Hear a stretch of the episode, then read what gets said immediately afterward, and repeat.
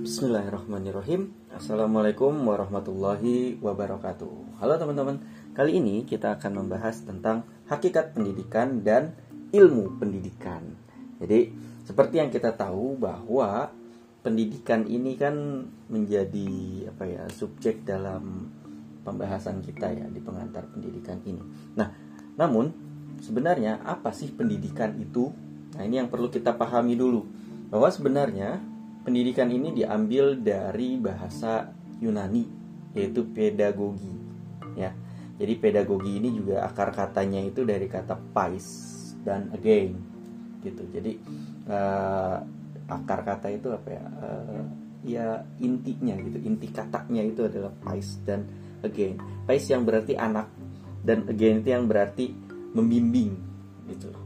Jadi secara harfiah gitu ya secara uh, bahasa pedagogi ini berarti uh, memberikan bimbingan kepada anak gitu. Nah, jadi uh, kalau dalam uh, bahasa Inggris sendiri ya uh, pendidikan ini kan uh, dikenal dengan kata education. Education ini kan berasal dari bahasa Yunani yaitu educare yang berarti membawa keluar yang tersimpan dalam jiwa anak gitu. Jadi eh, kenapa harus dikeluarkan ya potensi ini agar bisa eh, digunakan sebagai bahan untuk tumbuh dan berkembang kayak gitu. Jadi ini perbedaan prinsip aja sih ya, perbedaan pandangan aja gitu ya kalau kalau kita ini mengambil pendidikan itu dari kata pedagogi ya, pedagogi yang artinya membimbing uh, seorang anak gitu ya jadi memberikan pembimbingan kepada anak gitu ya. Jadi asumsinya adalah anak ini kan uh, apa ya sosok manusia yang selalu ingin tahu selalu penuh rasa ingin tahu dan kita harus kasih tahu uh, apa ya ketika kita ngasih tahu entah itu baik atau buruk pada akhirnya itu yang akan membentuk anak itu sendiri. Ketika uh, pendidikan yang kita lakukan selalu memberikan jalan yang baik maka anak itu akan menjadi baik.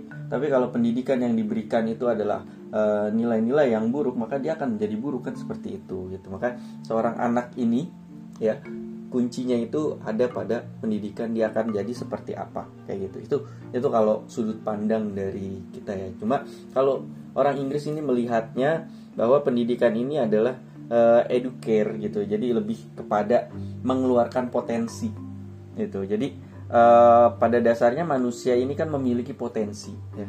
Memiliki potensinya masing-masing. Uh, ada potensi akademik ada potensi sosialnya ada potensi seninya gitu kan. Nah potensi-potensi ini harusnya bisa keluar gitu. Bisa di, di apa ya dikeluarkan dari dalam tubuh seseorang gitu ya. Uh, karena ini menjadi bekal untuk mereka tumbuh dan berkembang. Bagaimana mereka pada akhirnya nanti di kehidupan dewasanya gitu ya. Uh, ini tergantung dari seberapa besar potensi yang tumbuh dalam dirinya gitu. Nah, jadi asumsinya adalah ketika orang tersebut dapat mencapai hidup yang baik ketika dia besar dengan potensi yang tepat kayak gitu. Itu itu pandangan untuk orang Inggris ya. Uh, overall uh, apa uh, mau dari sudut pandang kita ataupun Inggris pada intinya in, intinya itu sama gitu ya. Bahwa e, pendidikan ini adalah e, apa ya membentuk manusia menjadi e, manusia seutuhnya. Pada intinya kan seperti itu cuma perbedaan pandangnya adalah bahwa yang satu kita ini harus selalu dibimbing ya. Makanya di kita itu selalu ada kata uh, belajar sepanjang hayat gitu kan long life education gitu.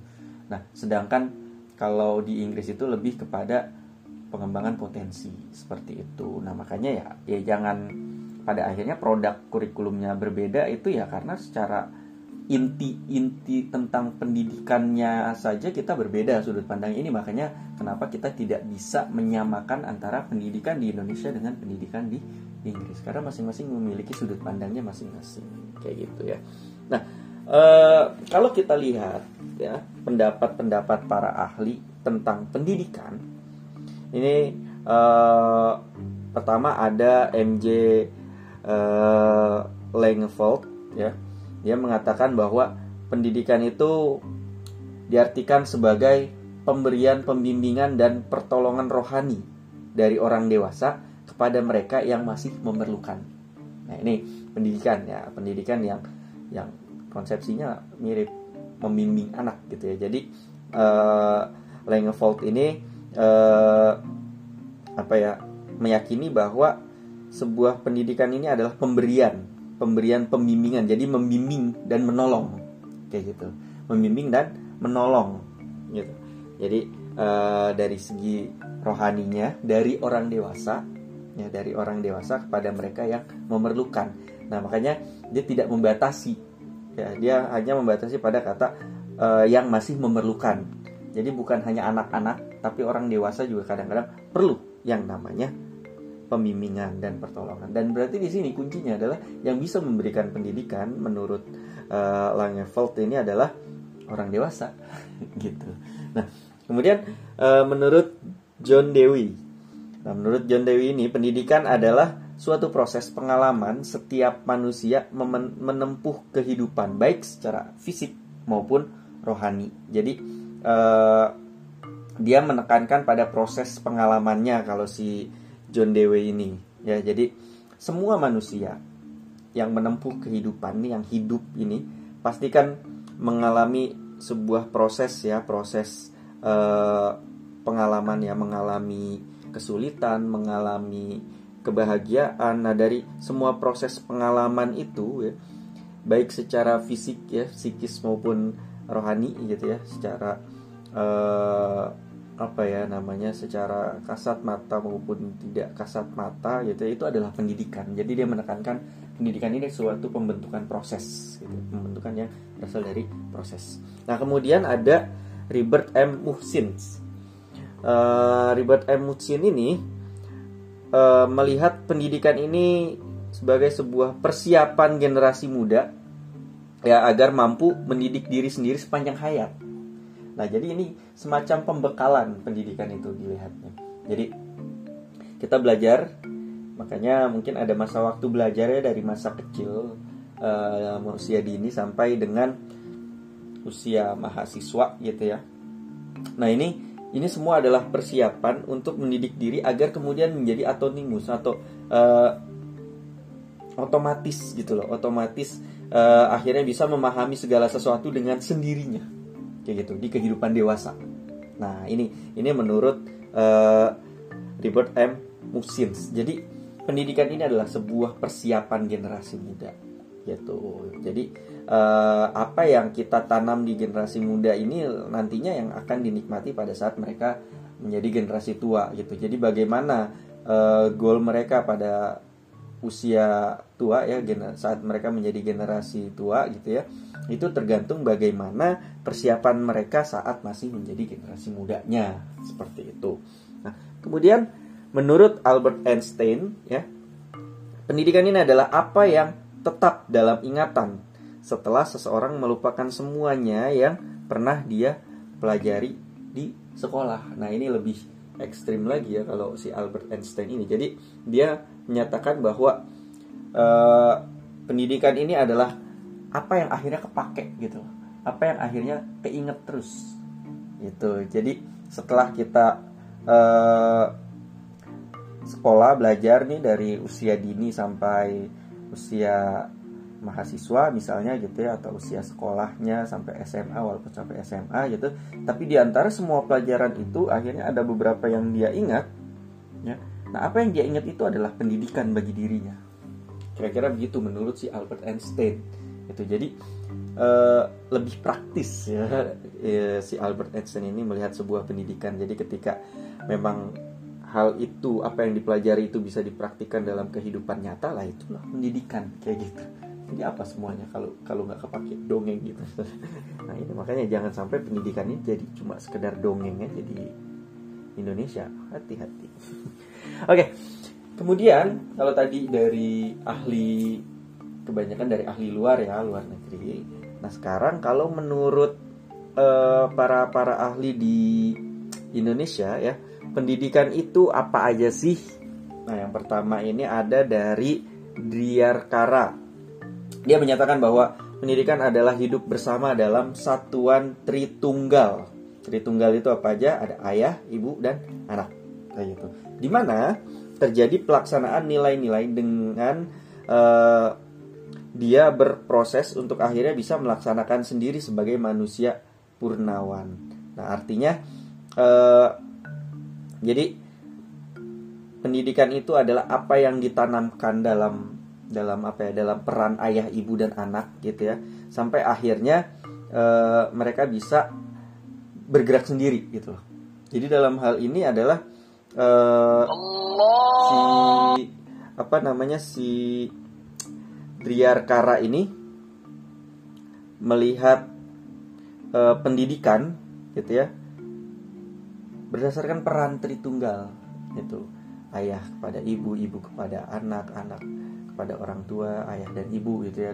Dan dari semua proses itu ada ada hal-hal yang uh, melahirkan nilai yang ditanam gitu ya, pemahaman-pemahaman hingga akhirnya mereka bisa gunakan itu di masyarakat luas sebagai manusia seutuhnya gitu loh.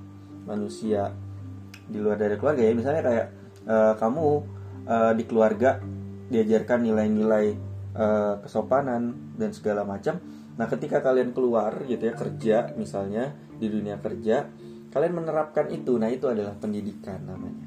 Dari itu menurut Driarkara. Kemudian kalau menurut Ki Hajar Dewantara, ya, pendidikan ini adalah daya upaya untuk memajukan bertumbuhnya budi pekerti. Budi pekerti ini kekuatan batin ya, kayak karakter gitu ya. E, selain itu juga pikiran ya, pikiran ini seperti intelektual dan uh, tumbuh kembang anak gitu ya. Kemudian juga dalam taman siswa tidak boleh dipisah-pisahkan bagian-bagian itu supaya kita memajukan kesempurnaan hidup, kehidupan dan penghidupan anak-anak yang kita didik selaras dengan dunianya. Jadi ketika melakukan sebuah pendidikan gitu ya.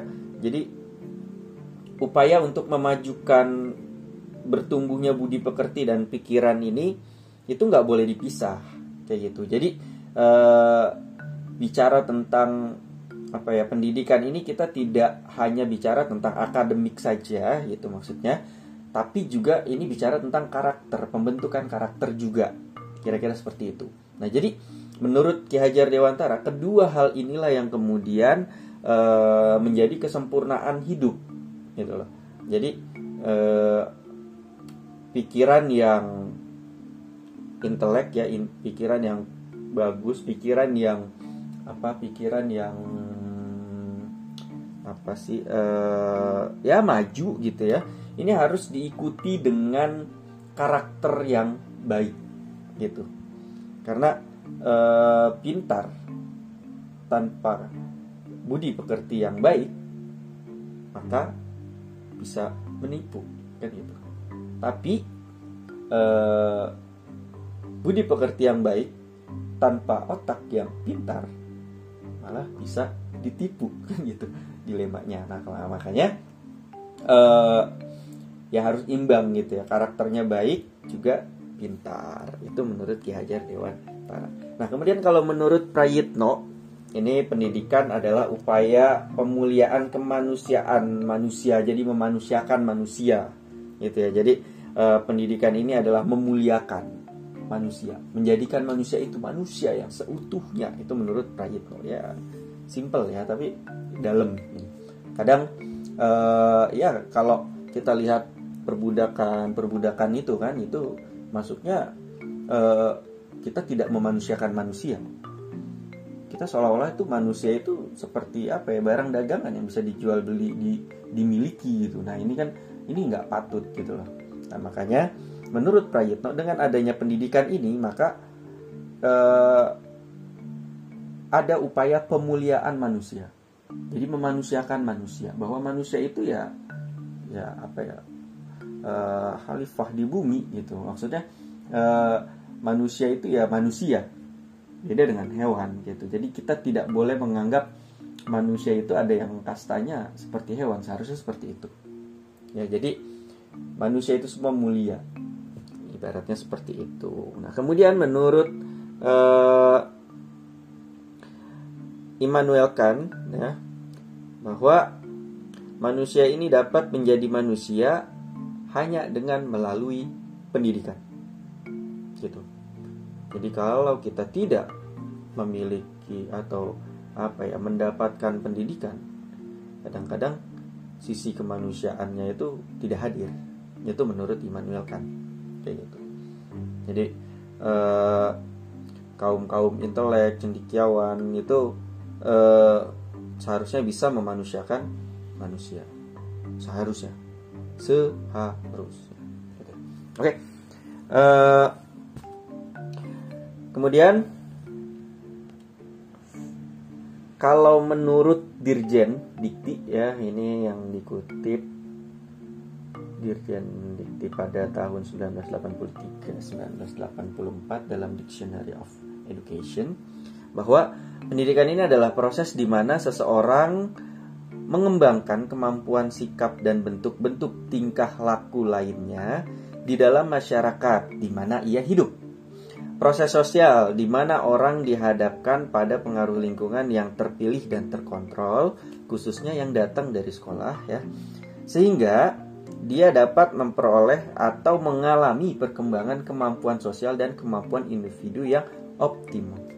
Jadi eh, kalau menurut Dirjen Dikti ini bahwa pendidikan ini adalah proses seseorang mengembangkan kemampuan sikap dan tingkah lakunya gitu ya. Untuk apa? Untuk eh, apa ya? Untuk supaya dia dapat eh, berkembang ya, berkembang baik secara makhluk sosial maupun makhluk individu kira-kira begitu. Jadi dia bisa bekerja sama di dalam suatu lingkungan di dalam di dalam komunitas masyarakat atau dia juga bisa uh, bertahan dalam satu individu kayak gitu. Jadi tingkatannya itu dia bisa bertahan dalam wujud entity, entitas gitu, entity sebagai manusia atau dia juga bisa bertahan uh, hidup sebagai community ya komunitas masyarakat gitu ya. Atau dia juga bisa hidup dan berkembang uh, sebagai unity gitu ya sebagai satu kesatuan gitu. Satu kesatuan bangsa masyarakat dan negara kayak gitu. Nah jadi itu menurut Dirjen Dikti. Jadi uh, kemampuan sikap ya uh, proses penyempurnaan kemampuan sikap dan bentuk-bentuk uh, tingkah laku masyarakat ya untuk untuk apa ya untuk menyempurnakan uh, dirinya di kehidupan sosial maupun individu. Nah, sedangkan menurut undang-undang ya, Undang-Undang Sistem Pendidikan Nasional yang nomor 2 tahun 2003 bab 1 pasal 1. Nah, ini yang biasanya paling banyak dikutip ya tentang pengertian pendidikan. Biasanya uh, pengertian tentang pendidikan itu mengacunya lebih banyak ke sini bahwa pendidikan itu adalah usaha sadar dan terencana untuk mewujudkan suasana belajar dan proses pembelajaran agar peserta didik secara efer, uh, secara aktif mengembangkan potensi dirinya untuk memiliki kekuatan spiritual, keagamaan, pengendalian diri, kepribadian, kecerdasan, akhlak mulia, serta keterampilan yang diperlukan dirinya, masyarakat, bangsa, dan negara. Kayak gitu. Jadi kuncinya adalah pendidikan ini sebagai usaha, usaha yang sadar dan terencana. Kayak gitu. Jadi memang usaha ini lahir atas kemauan dia, atas keinginan dia, makanya disebut sebagai usaha sadar, gitu loh. Jadi e, ketika dia melakukan pendidikan itu harus dengan keinginan dirinya sendiri. Makanya ini akan menjadi masalah ketika pendidikan terjadi atas keinginan orang tua atau keinginan lingkungan sekitarnya. Itu. Karena pendidikan adalah usaha sadar menurut undang-undang dan terencana. Jadi ada perencanaannya. Gitu. Jadi ketika kita melakukan sebuah proses pendidikan, kita harus sudah bisa merencanakan bahwa ketika saya ingin menjadi dokter misalnya, saya harus sekolah SD-nya di sini, SMP-nya di sini, SMA-nya ngambil IPA, kemudian kuliahnya nanti saya kedokterannya di sini. Jadi itu kan sadar ya kita merencanakan sesuatu hal secara sadar dan dan semua itu udah tertata gitu loh. Udah ada. Kayak gitu. Jadi tidak ada pendidikan yang ujuk-ujuk gitu loh yang tiba-tiba. Nah ini juga kadang-kadang terjadi nih di situasi sekarang. Kayak yang uh, ya nggak dapat negeri ya udah tuh masukin situ aja gitu kan kita tidak melihat potensi anak. Ini yang bahaya. Karena segala yang namanya pendidikan itu harus terencana gitu loh. Kadang nggak dapet uh, sekolah yang diinginkan akhirnya ya udah sekena-kenanya aja gitu kan. Tanpa ada rencana untuk uh, mewujudkan suasana belajar, proses belajar demi mengembangkan potensi potensi si anak didik ini gitu. Nah ini yang akhirnya apa ya pendidikan ini nggak nggak dapet goalnya gitu loh. Makanya eh, pengertian pendidikan menurut Undang-Undang Sistem Pendidikan Nasional ini paling banyak dikutip bahwa pendidikan ini adalah usaha sadar dan terencana. Jadi ketika kita ingin apa ya uh, memfasilitasi, mengakomodasi pendidikan bagi peserta didik, maka kita harus tanya kesadaran dia dulu. Dia dia maunya ke mana gitu loh. Kemudian ya paling tidak dia minatnya apa supaya bisa kita rencanakan. Oh, dia minatnya ternyata misalnya desain desain grafis. Ya, masuklah dia ke DKV atau ke seni rupa atau ke arsitektur misalnya kayak gitu. Jangan minatnya di desain grafis gambar gitu misalnya tapi dimasukkannya ke ekonomi matematika misalnya. Wah keder dia. Nanti nulis rumus malah digambar kan gitu. Jadi goalnya nggak dapet. Nah ini yang bahaya. Makanya pendidikan ini adalah usaha yang sadar dan terencana. Ini yang harus kita uh, apa namanya kita keep baik-baik gitu ya. Sedangkan menurut TAP MPR ya pendidikan ini adalah upaya untuk mengembangkan kualitas sumber daya manusia sedini mungkin secara terarah terpadu dan menyeluruh melalui berbagai upaya proaktif dan reaktif oleh seluruh komponen bangsa agar generasi muda dapat berkembang secara optimal disertai dengan hak, dukungan dan lingkungan sesuai dengan potensinya. Ya, jadi tetap secara garis besar ya pendidikan ini adalah upaya yang terarah ya kan? Dan terpadu terintegrasi gitu. Dan menyeluruh ya artinya lengkap gitu ya. E, bagi generasi muda gitu ya untuk mencapai potensi yang optimal gitu. Jadi e, kuncinya sama bahwa pendidikan ini adalah upaya untuk mengoptimalkan potensi. Nah, supaya potensinya optimal, maka pendidikannya ini harus dilakukan secara sadar dan terencana. Masuknya ke situ lagi kan. Kayak gitu. Nah, sedangkan kalau menurut uh, siapa ahli nih ya. Menurut ahli si Raka Joni ya, di tahun 1985 Pendidikan merupakan proses interaksi manusia yang ditandai oleh keseimbangan antara kedaulatan subjek didik dengan kewibawaan pendidik. Ini yang pertama kata dia. Kemudian yang kedua, pendidikan merupakan usaha penyiapan subjek didik menghadapi lingkungan hidup yang mengalami perubahan yang semakin pesat. Banyak petiangnya. Kemudian, pendidikan menguatkan kualitas kehidupan pribadi dan masyarakat. Pendidikan berlangsung seumur hidup. Pendidikan merupakan kiat dalam menerapkan prinsip-prinsip ilmu pengetahuan dan teknologi bagi pembentukan manusia seutuhnya. Nah, ini kalau bisa kita tarik kesimpulannya, garis merahnya adalah bahwa pendidikan ini pada dasarnya untuk membentuk manusia yang seutuhnya. Dilihat dari mana? Dari apa ya? Me memaksimalkan potensi yang ada supaya dia bisa bertahan baik secara individu maupun sebagai anggota masyarakat bagian dari masyarakat intinya seperti itu. Nah, bagaimana cara mendidiknya yaitu dengan adanya interaksi antara subjek didik ya, antara peserta didik dengan pendidik gitu. Nah, agar si peserta didik ini eh, apa ya bisa disiapkan dengan baik, si pendidik ini harus mengajarkan dengan cara yang berwibawa dan baik. Gitu. Jadi nggak serampangan gitu loh ngajarinnya. Kayak gitu. Intinya sama. Jadi cara mengajarkannya itu dengan cara yang terarah, terpadu, ter eh, apa namanya? Eh, terencana kayak gitu. Jadi nggak nggak asal-asalan gitu loh maksudnya. Nah, gitu. Nah, jadi dalam penyelenggaraan pendidikan itu ya, ya benar-benar harus ada rencananya gitu loh harus harus apa ya harus harus ada landasannya gitu jadi nggak yang asal aja. Kita nggak bisa bilang bahwa eh, ketika kita mengajarin seseorang itu langsung tapi kita langsung bilang bahwa ini kita sedang melakukan pendidikan. Ternyata nggak seperti itu. Ada tiga dimensi menurut Prayitno dalam penyelenggaraan pendidikan. Yang pertama itu adalah dimensi demokratik. Nah, dimensi demokratik ini ketika pendidikan mengisyaratkan ya bahwa baik isi maupun penyelenggaraan pendidik hendaklah memupuk wawasan dan sikap peserta didik untuk menghargai orang lain sebagaimana ia menghargai dirinya sendiri, memupuk tumbuhnya sikap bebas ya bebas tapi bertanggung jawab ya, dalam berpikir.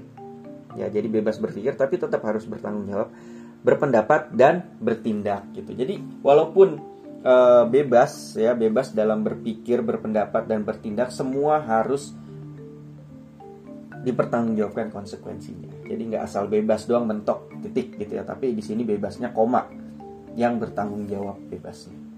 Kayak gitu. Nah ini dari dimensi demokratiknya bahwa uh, pendidikan itu harus menghargai orang lain.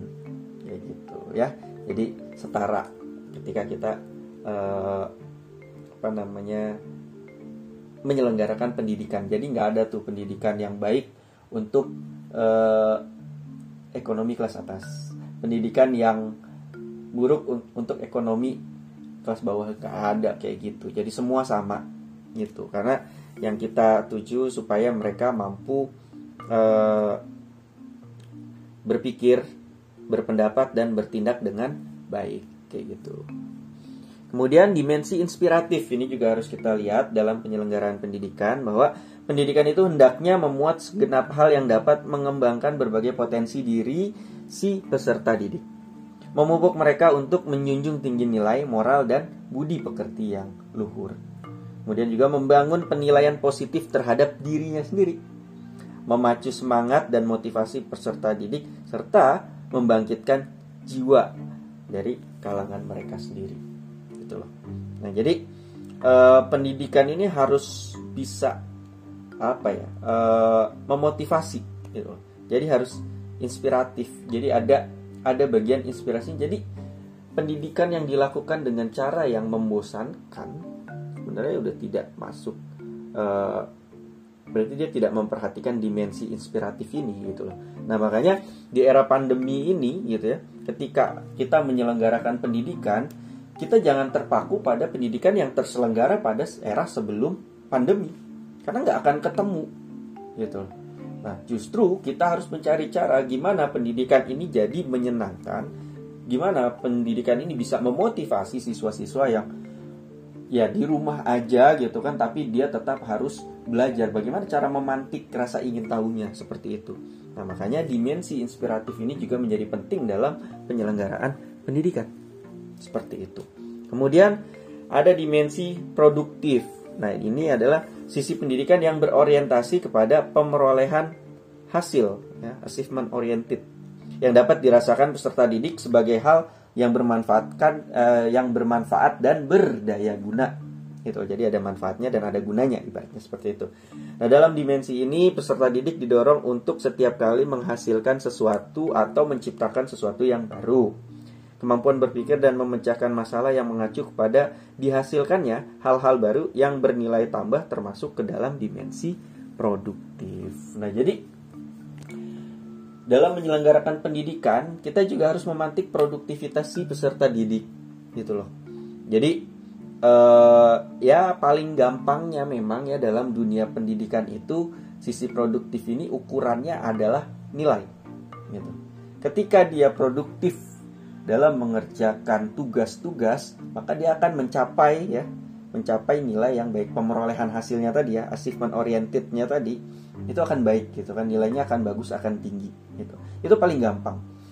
Nah, saking gampangnya kadang-kadang eh, persepsi ini malah jadi apa ya? Uh, misperception gitu loh. Jadi salah persepsi. Jadi seolah-olah bahwa pendidikan itu hasilnya ya nilai. Itu. Padahal nilai ini adalah salah satu alternatif untuk memenuhi dimensi produktif peserta didik gitu. Jadi eh, kan nggak mungkin semua mata pelajaran atau mata kuliah ini berorientasi pada produk ya, misalnya kayak eh, eh, mata kuliah apa gitu kan nggak mungkin nanti hasilnya akan bikin robot, terus atau bikin sebuah penemuan apa gitu kan nggak mungkin semua seperti itu. Nah supaya uh, perkuliahan pendidikan ini menjadi menarik, maka kan uh, harus ada sesuatu yang dicapai gitu loh, sesuatu uh, yang menjadi produk gitu, produk hasil gitu, hasil berupa produk. Nah yang paling gampang adalah nilai gitu kan. Dia dapat nilai 100 80 90 nah ini adalah capaian karena ini yang akhirnya memicu mereka untuk wah saya harus bisa menguasai pendidikan ini pelajaran ini supaya saya mencapai poin itu kayak gitu. Atau dalam perkuliahan kan ya ya kategori skala ya A B B min A plus kayak A, A, A ada yang plus nggak sih? Ya A min lah gitu ya C C plus B plus gitu. Nah itu itu adalah uh, apa ya pemerolehan hasil gitu. Pengganti uh, apa ya dimensi produktif gitu loh. Jadi alternatif dimensi produktif. Karena pada intinya adalah dimensi produktif ini seharusnya goalnya itu adalah sesuatu yang bisa dimanfaatkan dan berdaya guna gitu loh. Yang bisa dimanfaatkan dan digunakan bagi kehidupan uh, manusia secara umum gitu atau mungkin secara pribadi gitu ya. Jadi karena kuncinya pendidikan itu kan baik berguna entah untuk pribadi maupun untuk uh, masyarakat kan seperti itu. Nah, jadi karena kadang ya ya udah gampangnya aja nilai lah gitu kan. Kenapa nilai? Karena dengan adanya nilai ini kan peserta didik jadi terpacu untuk selalu produktif dalam hal ini ya mengerjakan tugas, mengikuti arahan-arahan gurunya gitu kan. Nah, karena kalau dia nggak melakukan itu, dia nggak akan mencapai nilai itu. Makanya dimensi produktif ini jadi terjadi. Kalau ditanya terus manfaat dan gunanya buat apa nilai ini? Ya sebagai hasil ukur, gitu kan? Hasil ukur untuk membandingkan kamu dengan anak tetangga. nggak, nggak, nggak gitu. Jadi hasil ukur untuk ya sudah sejauh mana sejauh mana pemahaman kamu kayak gitu kan pemahaman si peserta didik ini sudah sejauh mana akhirnya diukurlah melalui capaian nilai tersebut. Nah, intinya dalam menyelenggarakan pendidikan berarti kita harus melihat nih beberapa dimensinya yaitu dimensi demokratik, inspiratif dan produktif. Bagaimana e, demokratif ini bagaimana seorang peserta didik itu semua sama, punya kesempatan yang sama. Jadi nggak ada tuh yang namanya anak emas dalam kelas. Ya.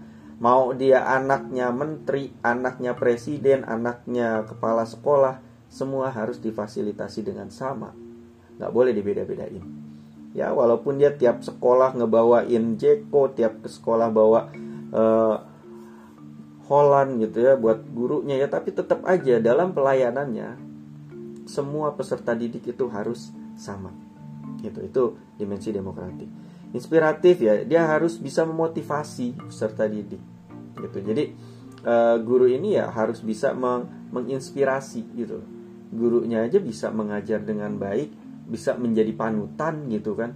Nah, maka peserta didik ini ya harus melihat guru itu sebagai sosok yang inspiratif seperti itu atau bahkan e, peserta didik ini menjadi sosok yang inspiratif. Guru berhasil membentuk peserta didik menjadi sosok yang inspiratif bagi teman-temannya. Nah, ini lebih bagus lagi kayak gitu. Kemudian dimensi produktif ya goalnya adalah setiap pendidikan ini harus memiliki hasil yang bermanfaat dan berdaya guna baik bagi diri sendiri maupun masyarakat. Kira-kira seperti itu. Nah, kemudian kalau itu tadi adalah hakikat pendidikan, sekarang apa itu ilmu pendidikan? Kenapa kita harus memahami ilmu pendidikannya? Gitu. Jadi kalau pendidikan itu kan tadi umumnya ya bidangnya bidang pendidikan. Nah uh, dalam memahami uh, pendidikan ini ini ada ilmunya gitu. Makanya sebuah uh, buat kita nih yang berkecimpung di dunia pendidikan itu ada ilmu yang harus kita pahami. Karena yang namanya ilmu itu kan dia harus bersifat satu empiris ya. Empiris ini artinya bisa dibuktikan kebenarannya. Ya bisa bisa apa ya? Objeknya ini uh, bisa bisa ketemu gitu loh, bisa kita jumpai di dunia nyata gitu loh. Ada bisa dibuktikan dengan e, percobaan dan penelitian kayak gitu. Makanya e, banyak kan bidang-bidang kajian penelitian dan e, apa percobaan itu di dunia pendidikan karena pendidikan ini bersifat empiris. Gitu. Nah, yang kedua pendidikan ini juga ternyata bersifat ruhaniah gitu ya jadi eh,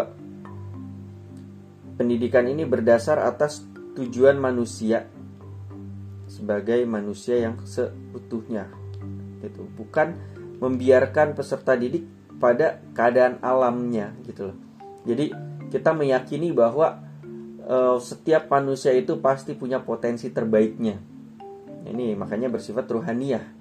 Ruhnya kita percaya bahwa semua manusia itu pasti baik. Itu untuk itu kita didik dia supaya dia mencapai titik terbaiknya. Kan seperti itu. Semua orang melakukan kegiatan pendidikan itu supaya seseorang itu mencapai titik terbaiknya. Titik terbaik di dalam dirinya. Nah, ini kan kita berarti kita meyakini bahwa pendidikan itu bisa menyentuh sifat ruhaniahnya. Kayak gitu. Kemudian normatif. Ya, normatif itu kan e, bernilaian ya antara baik dan buruk. Seorang melakukan pendidikan agar terhindar dari cap buruk gitu. Dan dia bisa selalu berada pada jalan yang baik. Karena seperti itu. Itu makanya dia e, melakukan apa namanya? mengambil pendidikan, ya menjalani pendidikan agar dia tahu mana yang baik dan mana yang buruk. Makanya pendidikan ini berarti bersifat normatif. Gitu. Kemudian pendidikan juga bersifat historis. Ya. Karena pendidikan ini memberikan teoritis tentang sistem-sistem pendidikan sepanjang zaman, mau zaman sekarang, mau zaman dulu gitu ya. Jadi maupun yang akan datang ketika dia menerapkan teori pendidikan, dia akan berdasarkan pada yang pernah terjadi dulu. Kayak gitu. Prinsip pembelajaran online misalnya, ya, pembelajaran online yang kita lakukan sekarang ini, ini kan pada dasarnya berdasarkan atas prinsip pembelajaran konvensional sebelumnya. Gitu. Kalau pembelajaran yang lebih lama lagi dikatakan bahwa yang namanya pembelajaran itu kan minimal paling tidak terdiri atas ada guru, murid dan sarana dan prasarana seperti itu. Kemudian berkembang selain ada guru, murid dan sarana prasarananya ini, ini semua harus dikondisikan dengan lingkungan yang tepat kayak gitu kan. Nah, sekarang mulai bergeser gitu kan selain uh, guru, murid, sarana dan prasarana, lingkungan yang mendukung juga teknologi yang terbaik yang bisa diakses dengan cepat kayak gitu. Nah, jadi semua perkembangan ini, teori-teori pendidikan ini melengkapi dari apa-apa yang sudah ada sebelumnya. Kayak gitu. Jadi bukan menggantikan, tapi merevisi dan mengganti gitu ya. Kayak gitu. Kemudian praktis, artinya eh, apa yang dilakukan dalam dunia pendidikan ini memberikan pemikiran tentang masalah dan ketentuan pendidikan yang langsung ditujukan kepada perbuatan mendidik. Jadi pendidikan dilakukan ini kan untuk daya gunanya tadi ya, daya e, guna dan kebermanfaatan di dunia nyata. di kehidupan si peserta didik itu, baik secara individu maupun secara sosial bermasyarakat gitu. Jadi eh, kenapa pendidikan ini juga bisa dikatakan sebagai ilmu karena dia tadi ya punya sifat empiris, ruhaniah, normatif, historis dan praktis. Kira-kira seperti itu teman-teman ya. Nah, kemudian apa manfaat kita mempelajari ilmu pendidikan? Nah, ini menurut Safril dan Zelhenry Zen ya bahwa dengan mempelajari ilmu pendidikan maka dapat dijadikan sebagai pedoman untuk mengetahui arah tujuan mana yang akan dicapai. Jadi dengan memahami ilmu pendidikan ini ketika mendidik itu kita tahu goalnya ini apa. Jadi paling tidak kita menyadari bahwa saat mendidik goalnya ini ke mana.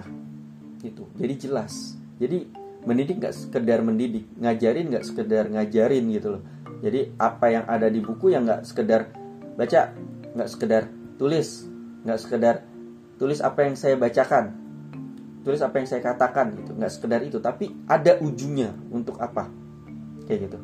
Kenapa saya uh, lebih suka menjelaskan via Spotify gitu kan seperti ini? Ya karena ini untuk memupuk kesadaran teman-teman bahwa ketika menyediakan sarana belajar bagi peserta didik carilah sarana yang memadai gitu kayak saya bilang di awal saya melakukan apa sharing audio ini di Spotify karena Spotify itu kan tempatnya memang untuk share lagu, musik, podcast dan suara gitu. Jadi pasti dia punya spesialisasi dan profesionalitas di bidang itu gitu. Nah, makanya suara saya sekarang akhirnya bisa terdengar dengan jelas. Coba kalau saya taruh ini di uh, ya tempat-tempat yang secara aksesnya itu masih belum mumpuni. Ya nggak tahu mungkin yang kalian dengar entah apa ya macet-macet atau mungkin juga bahkan susah di download gitu ya. Nah mungkin itu bisa saja terjadi kayak gitu. Jadi goalnya ini untuk menginspirasi teman-teman supaya bisa memberikan uh, bahan materi yang lebih accessible yang lebih mudah diakses kayak gitu. Ya jadi ada goalnya juga selain goal perhatian gitu ya. Jadi uh, apa yang saya katakan di sini memang saya sengaja buat panjang-panjang nih materinya supaya ketika saya berikan pertanyaan yang sebenarnya jawabannya ada di tengah-tengah penjelasan saya tahu mana yang memperhatikan dan mana yang tidak pada akhirnya. Kayak gitu. Kemudian manfaat ilmu pendidikan juga yang kedua menurut Safril dan Zel Henry Zen yaitu untuk menghindari atau mengurangi kesalahan-kesalahan dalam praktik. Karena dengan memahami teori pendidikan seseorang akan mengetahui mana yang boleh dan mana yang tidak boleh dilakukan. Gitu ya. Mana yang bisa dilakukan dan mana yang tidak bisa dilakukan dalam dunia pendidikan. Gitu. Jadi ini pentingnya kenapa kita perlu mempelajari ilmu pendidikan. Kayak gitu nah kemudian juga dapat dijadikan sebagai tolok ukur sampai mana seseorang telah berhasil melaksanakan tugas dalam pendidikan. Nah, jadi eh, karena kita belajar ilmu pendidikan, kita jadi tahu bahwa dalam eh, mendidik itu ternyata kita butuh yang namanya eh, RPP atau silabus. Semua perlu direncanakan pembelajarannya dan dalam uh, perencanaan pembelajaran itu juga masing-masing ada indikator yang harus dicapai seperti itu. Jadi nggak seperti tadi yang saya bilang ngajar nggak asal ngajar, ngasih tahu nggak sekedar asal ngasih tahu, tapi paling tidak poin yang dicapainya tuh apa kita udah tahu kayak gitu ya. Nah sayangnya dalam pelaksanaan pendidikan ini masih banyak terjadi kesalahan-kesalahan. Paling tidak menurut Sikun pribadi ada tiga kesalahan yang sering terjadi dalam pelaksanaan pendidikan. Yang pertama adalah kesalahan teknis. Ya ini kesalahan yang disebabkan oleh kurangnya keterampilan atau kesalahan dalam cara menerapkan pengertian atau prinsip-prinsip tertentu. Nah ini yang banyak terjadi ketika awal-awal pandemi kemarin, ketika diterapkannya pembelajaran jarak jauh ya pembelajaran online akhirnya para pendidik fokusnya itu bukan pada prinsip pembelajaran yang diterapkan bagaimana cara menerapkan pembelajarannya agar bisa tetap berjalan dengan baik. Namun yang terjadi adalah kesalahan teknisnya gitu loh. Jadi mereka berlomba-lomba eh e, ngajarnya yang enak pakai apa gitu loh. Apa yang digunakan dalam pembelajaran. Mereka pakai Zoom. Padahal mereka belum mumpuni untuk menggunakan Zoom. Akhirnya apa? Akhirnya dalam pembelajaran ya sibuk sendiri sama penguasaan Zoom itu gitu. Ini kok saya ngomong nggak keluar-keluar ya suaranya itu bu micnya masih di mute misalnya gitu ini kok saya nggak bisa dengerin suara kalian ya oh itu bu suaranya belum uh, diklik menggunakan uh, call atau uh, internet misalnya kayak gitu kan. Nah itu sering terjadi gitu ya. Terus ini siapa tuh yang berisik berisik kenapa nggak di mute suaranya? Padahal dia jadi host gitu. Padahal bisa tinggal klik aja gitu kan nge-mute anggotanya. Nah ini jadi kesalahan-kesalahan teknis ini yang akhirnya menjadi apa ya e, membuat prinsip pendidikannya jadi nggak jelas gitu. padahal dalam pembelajaran ketika kita buat nanti RPP dan silabus ini nanti teman-teman akan mempelajari itu gitu ya. Dalam pembelajaran itu jelas tahap-tahap yang perlu dilakukan tuh apa-apa aja. Nah, seharusnya yang diterapkan adalah prinsipnya itu. Gitu.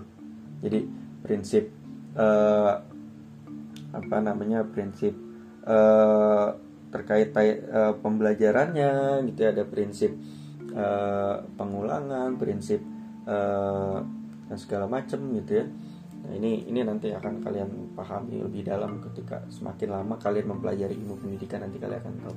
Intinya adalah uh, kesalahan teknis ini sering terjadi. Orang hanya terpaku pada alat yang digunakan bukan tentang ap bagaimana melaksanakan pembelajarannya. Kayak gitu. Jadi sebenarnya mau pembelajaran jarak jauh, pembelajaran online bukan tentang alat apa yang kita gunakan, tapi tentang bagaimana kita melakukan pembelajaran secara daring atau online, secara jarak jauh gitu loh. Bagaimana menyampaikan materi yang kita tahu, materi yang kita miliki agar tersampaikan kepada peserta didik kita.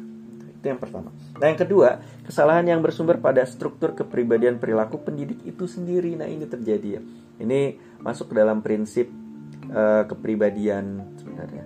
Jadi uh, kadang pendidik secara pribadi ya baperan misalnya.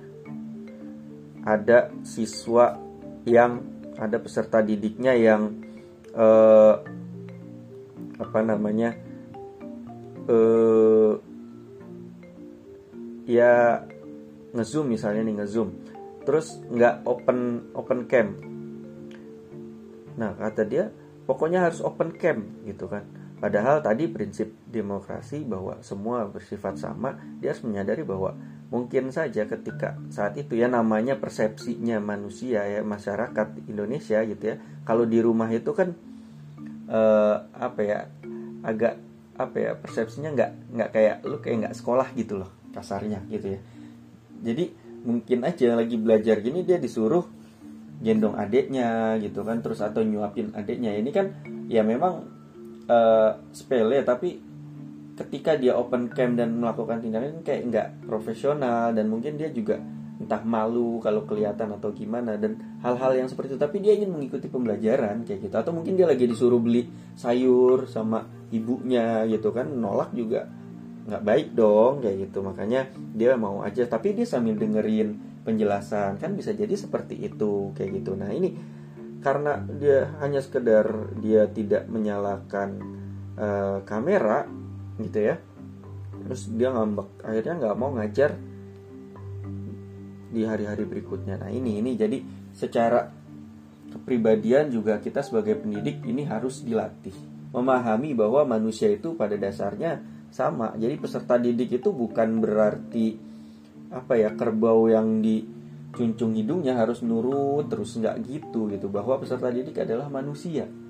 Manusia yang sedang kita kuak potensinya gitu loh yang sedang ingin kita keluarkan potensinya dia ada nggak nih potensi di sini gitu dan kita tinggal berusaha ya bagaimana caranya potensi itu keluar secara maksimal urusan dia mau mengeluarkan atau tidak secara maksimal itu kan masalah pribadi si peserta didik itu itu sebenarnya setidaknya kita sudah berusaha secara maksimal agar dia bisa mengeluarkan potensinya. Kalau dia nggak mau ya kita nggak bisa paksa gitu. Kita hanya menganjurkan. Seharusnya seperti itu. Yang namanya membimbing itu kan seperti itu. Kemudian adalah kesalahan yang sifatnya konseptual. Nah ini masuk dalam prinsip profesionalisme sebenarnya. Jadi kesalahan karena pendidik kurang mendalami masalah-masalah yang sifatnya teoritis. Maka perbuatan mendidiknya menjadi akibat yang tidak dapat dibenarkan. Artinya uh, ya sering ya ada kejadian kayak matematika antara perkalian dan penjumlahan ini yang diduluin yang mana gitu kan. Jadi kayak misalnya kalau 3 kali 4 tambah 5 nah ini hasilnya berapa? Itu ada yang bilang hasilnya 3 kali 4 dulu gitu ya 12 12 tambah 5 7 kayak gitu. Ada yang kayak gitu. Tapi ada juga yang bilang eh, 3 kali 4 tambah 5 ini 4 tambah 5 nya dulu 9 terus baru dikali 3 3 kali 9 sama dengan 27 misalnya kayak gitu. Nah ini kan jadi rancu gitu kan. Nah jadi sebenarnya ini yang benar yang mana? Nah ini harusnya pendidik ini ini masalah kayak gini udah udah clear gitu. Secara teoritisnya mana yang lebih dulu gitu kan. Antara perkalian dan penjumlahan dia harus sudah tahu udah punya sikap gitu. Atau ketika ada eh, kasus-kasus lain gitu ya secara teoritis fundamentalnya dia tahu kayak gitu. Nah ini yang pada akhirnya uh, menjadi kesalahan ya kesalahan secara konseptual gitu. Makanya uh, sebagai pendidik juga kita harus memahami apa yang kita berikan. Kayak gitu. Ini yang disebut dengan prinsip profesionalitasnya. Harus ada. Kayak gitu. Nah jadi kalau ditanya jadi sebenarnya ilmu pendidikan ini buat apa sih di dalam dunia pendidikan? Ya jelas ada perannya. Perannya itu sebagai satu perantara dalam membentuk masyarakat yang mempunyai landasan individual sosial dalam penyelenggaraan pendidikan. Jadi, ketika menyelenggarakan pendidikan, ya harus memahami ilmu pendidikan. Ini yang pertama. Yang kedua, ya, yang kedua perannya adalah pendidikan ini kan diselenggarakan secara demokratis dan berkeadilan serta tidak diskriminatif dengan menjunjung tinggi hak asasi manusia, nilai keagamaan, nilai kultur dan kemajemukan bangsa. Ini jadi tahu karena dia memahami ilmu pendidikan, dia tahu dimensi demokratisnya. Jadi pendidikan ini sebenarnya untuk semua kalangan, semua golongan dan semua kultur, budaya, bangsa. Jadi nggak dibeda-bedakan baik secara suku, agama, ras, bahkan ekonominya gitu. Jadi karena dia memahami ilmu pendidikan, maka hal-hal seperti ini tidak akan terjadi. Kemudian juga peran yang ketiga itu uh, ilmu pendidikan ini tidak akan terlepas dari hakikat manusianya. Kemarin kita udah sempat bahas tentang hakikat manusia dan dimensinya gitu ya.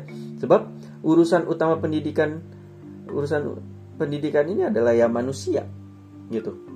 Baik yang mendidik maupun yang dididik ini kan manusia. Gitu. Jadi pada intinya ini adalah ilmu tentang kemanusiaan Bagaimana kita memanusiakan manusia, memuliakan manusia, menguak potensi yang ada dalam diri manusia. Bagaimana kita menyampaikan kepada manusia dan bagaimana agar sesama manusia antar sesama manusia bisa saling memotivasi dan menginspirasi sehingga dia bisa bertahan hidup baik dalam kondisi secara individualis maupun sosialis di antara golongan masyarakat. Saya seperti itu gitu ya. Nah, itu yang keempat. Kemudian peran yang ke uh, sorry yang ketiga tadi ya. Uh, peran yang keempat itu adalah dalam pendidikan ini terdapat hubungan fungsional individu dan masyarakat ya. Jadi goalnya itu kan uh, fungsinya untuk individu maupun untuk masyarakat. Nah pendidikan dilihat sebagai proses pemanusiaan dalam konteks kehidupan bermasyarakat sebagai transaksi sosial dan budaya. Jadi ketika uh, berpendidikan ini ini kan uh, kita sudah masuk dalam ranah kulturali kultura kulturalitas. Gitu. Jadi uh, ada transaksi sosial budaya di situ. Artinya kita harus memahami perbedaan itu pertukaran pertukaran sosial dan budayanya. Mungkin di mereka begini ternyata di kita begini dan kita harus memahami dia. Jadi kita ikut dia. Dan begitu pun dia dia harus tahu kita maka dia menghormati kita dengan caranya kita. Misalnya seperti itu. Itu kan sering terjadi gitu ya. Artinya kayak misalnya uh, apa ya ketika uh, suku A di sini tidak uh, mengizinkan laki-laki uh, bertemu dengan uh, apa ketika laki-laki yang lebih muda bertemu dengan laki-laki yang lebih tua itu ngomongnya harus dengan uh, bahasa yang uh, tinggi gitu bahasa tinggi. Nah jadi ini ini harus kita pahami gitu ya. Kok dia ngomongnya gitu atau mungkin ada daerah lain yang mau dia dewasa ataupun masih anak-anak ngomongnya itu sama aja gitu kan. Jadi kita tidak melihat bahwa kok ini anak ngomongnya nggak sopan. Tidak seperti itu pada akhirnya. Karena kita harus menyadari bahwa oh dia budayanya begitu. Maka kita maklumi. Di situlah adanya transaksi sosial budaya. Ada pertukaran sosial dan budaya. Kita memahami bahwa oh ya itu emang adatnya dia begitu oh itu emang kulturnya dia seperti itu. Makanya kita harus memahami itu. Sebagai orang berpendidikan uh, orientasi pemikiran tidak berdasar pada kita sebagai individu tapi kita sebagai sosial masyarakat. Seperti itu. Konteks kehidupannya konteks kehidupan bermasyarakat. Jadi uh, apa ya kehidupan itu tidak berpusat pada kita. Tidak. Tapi kita memahami adanya transaksi sosial budaya pertukaran antar uh, kultur kulturalitas itu gitu. Ya jadi dia dan kita ini berbeda maka kita lihat dari sisi dianya bukan dari sisi kita. Jangan menganggap apa ya jangan uh, memaksakan dia yang harus memahami kita tapi mulailah dengan kita yang harus selalu bisa memahami orang lain di sekitar kita dalam bermasyarakat. Kira-kira seperti itu. Nah jadi Bagaimana kedudukan ilmu pendidikan dalam penyelenggaraan pendidikan? Nah, yang pertama, ilmu pendidikan ini kedudukannya untuk mencapai kemanusiaan yang ideal. Jadi, kenapa kita harus mempelajari ilmu pendidikan supaya kita dapat mencapai kemanusiaan yang ideal? Apa itu kemanusiaan yang ideal ya? Sosok manusia ideal itu kan uh, memang belum terwujudkan ya, tapi harus diupayakan untuk diwujudkan. Sampai sekarang gitu kan masih banyak konflik-konflik sosial gitu kan. Nah makanya uh, dalam hal ini bukan bukan berarti memang tidak bisa diwujudkan bukan. Tapi kita harus terus berupaya untuk bisa diwujudkan. Untuk mewujudkan manusia yang ideal ini kan uh, diperlukan yang namanya arahan bimbingan dan pendidikan. Maka kita harus sabar gitu ya. Pendidikan berperan untuk menjadikan manusia menjadi sosok manusia yang ideal, yaitu manusia yang dengan segala harkat dan martabatnya. Jadi, kita selalu berharap bahwa dengan pendidikan manusia ini kehidupan antar sesama manusia ini menjadi semakin baik. Itu tidak ada uh, perselisihan, tidak ada kemiskinan, tidak ada uh, ketimpangan gitu ya. Nah, jadi dengan adanya pendidikan semoga rasa kemanusiaan kita menjadi semakin baik sehingga berkehidupan baik secara individu maupun masyarakat ini menjadi baik pula seperti itu. Nah, yang kedua, ilmu pendidikan ini untuk pengembangan dimensi kemanusiaan. Nah, selain menjadikan manusia menjadi manusia yang ideal, ilmu pendidikan ini juga kita pelajari agar kita mampu mengembangkan dimensi kemanusiaan. Gitu. Jadi, pendidikan ini bisa diarahkan untuk pengembangan dimensi kemanusiaan sehingga manusia bisa berkembang secara optimal. Gitu. Jadi nggak nggak kayak katak dalam tempurung si manusia ini. Jadi masing-masing anggapan keluarganya aja dibawa keluar gitu. Enggak jadi e, ketika dia keluar di masyarakat mereka sudah memahami konsep ya transaksi transaksi sosial itu gitu jadi dia tahu bahwa ketika dia keluar dari keluarganya dia harus bisa memahami masyarakat yang lain. Seperti itu Pengembangan semua dimensi kemanusiaan yang optimal dan seimbang akan mencapai harkat dan martabat manusia yang sangat tinggi, yaitu mencapai kebahagiaan hidup dunia dan akhirat. Jadi kalau kalau udah apa ya uh, dimensi kemanusiaan ini bisa kita kembangkan secara optimal dan seimbang ya harapannya harkat dan martabat manusia juga jadi sangat tinggi gitu jadi nggak ada lagi pencurian nggak ada lagi pembunuhan nggak ada lagi uh, apa pembuli-bulian gitu nggak ada gitu. Semua semua sama. Semua menjadi adil semua menjadi tentram. Karena kita menyadari bahwa di dimensi uh, kemanusiaan semua manusia itu diciptakan dengan potensinya masing-masing. Dan potensinya ini harusnya bisa berkembang secara optimal bukan saling menjatuhkan satu sama lain. Ya oke mungkin itu saja dari saya tentang hakikat pendidikan dan ilmu pendidikan. Oke terima kasih sudah mendengarkan sampai sini. Saya Niki Rosadi. Wassalamualaikum warahmatullahi wabarakatuh